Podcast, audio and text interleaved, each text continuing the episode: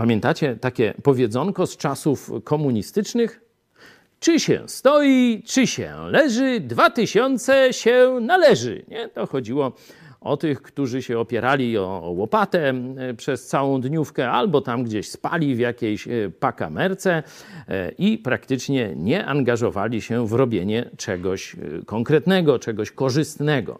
Niestety u wielu ludzi takie podejście do pracy dla kogoś, szczególnie jeśli to jest praca najemna, a nie u siebie, do dzisiaj jeszcze pokutuje. Warto więc, żeby przynajmniej chrześcijanie biblijni zwrócili uwagę na taki króciutki werset z 18 rozdziału Księgi Przysłów, werset 9. Już ten, kto jest niedbały w pracy, nie ten, który źle pracuje.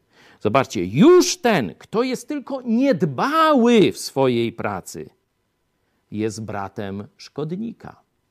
Czyli w rzeczywistości niszczy, a nie buduje.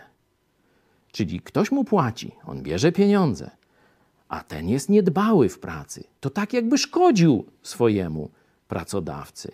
Podobnie, jeśli pracujesz tam za darmo u siebie, no ale to już tam wtedy ludzie się trochę bardziej starają. Zobaczcie.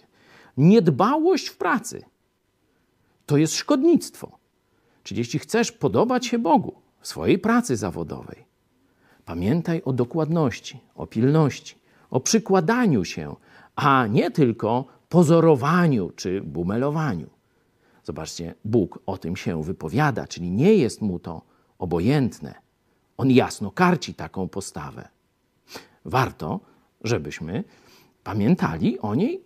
Zobaczcie, bo to jest każdego dnia. To już nie tak, że tam raz w niedzielę sobie przypomniemy i tego.